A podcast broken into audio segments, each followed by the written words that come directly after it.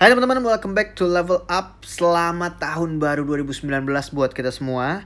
Dan seperti biasa setiap tahunnya gue selalu membagikan sebuah konten yang sama yaitu adalah apa sih yang harus harus kita lakukan di awal tahun. Nah di awal tahun 2019 ini yang harus kita lakukan adalah organizing our stuffs. Mulai dari apa tuh? Biasanya paling gampang adalah dari folder-folder tempat kita nyimpen file.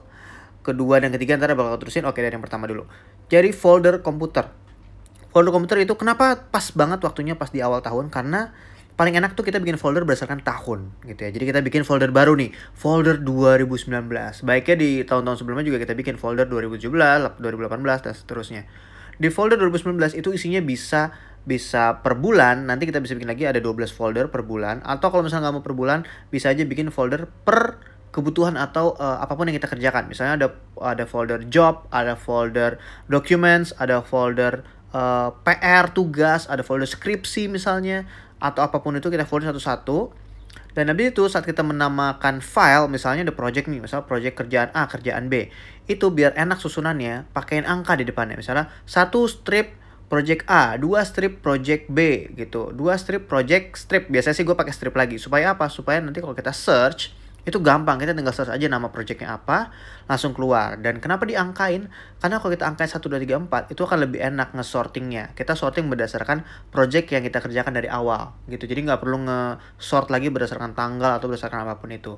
Gitu itu yang paling simple jadi itu semua gunanya supaya saat kita cari itu gampang nyarinya, gampang ketemunya. Bisa berdasarkan tahun juga berdasarkan bulan. Yang kedua paling gampang itu yang terdekat adalah kita ngeberesin, kita ngeorganize desktop kita. Pasti di sini ada yang desktopnya berantakan atau di laptopnya itu berantakan folder-folder dan icon-icon di mana di mana-mana gitu ya. Itu mendingan diberesin biar penampilan lebih fresh di tahun yang baru ini.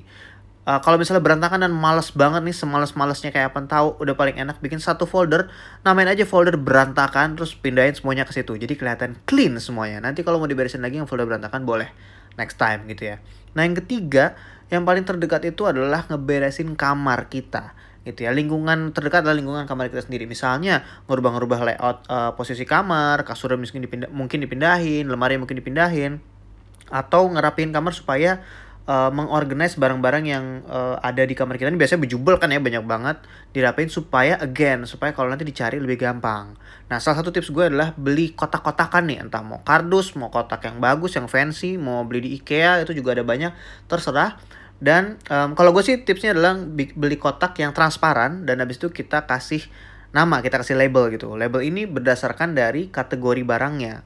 Jadi misalnya elektronik taruh di di kotak yang elektronik dan apalagi misalnya uh, buku-buku taruh di kotak yang buku-buku dan sebagainya dan sebagainya. Kenapa transparan? Jadi biar nanti kalau misalnya mau ngambil barang bisa kita intip dulu nih ada di sini nggak ya gitu. Karena kalau misalnya nggak transparan kita buka lagi kita berantakan lagi akan lebih repot gitu. Jadi kalau transparan bisa save waktu lah untuk kita kalau misalnya kita lupa naruh sesuatu di situ. Kategorinya itu kalian tahu karena kalian yang punya barang-barangnya. Kalau gue sih biasanya ada elektronik, buku, uh, peralatan uh, apa kamera terus misalnya ada yang satu yang uh, apa kotak berantakan atau kotak yang gak jelas itu gabungan segala macem dan macam-macam lagi. Oke, kira-kira gitu aja how to start uh, our 2019 biar lebih fresh, biar lebih semangat. Ya, yeah, that's it. Thank you, semoga bermanfaat dan ya terima kasih udah dengerin podcast ini. See you in the next podcast. Bye bye.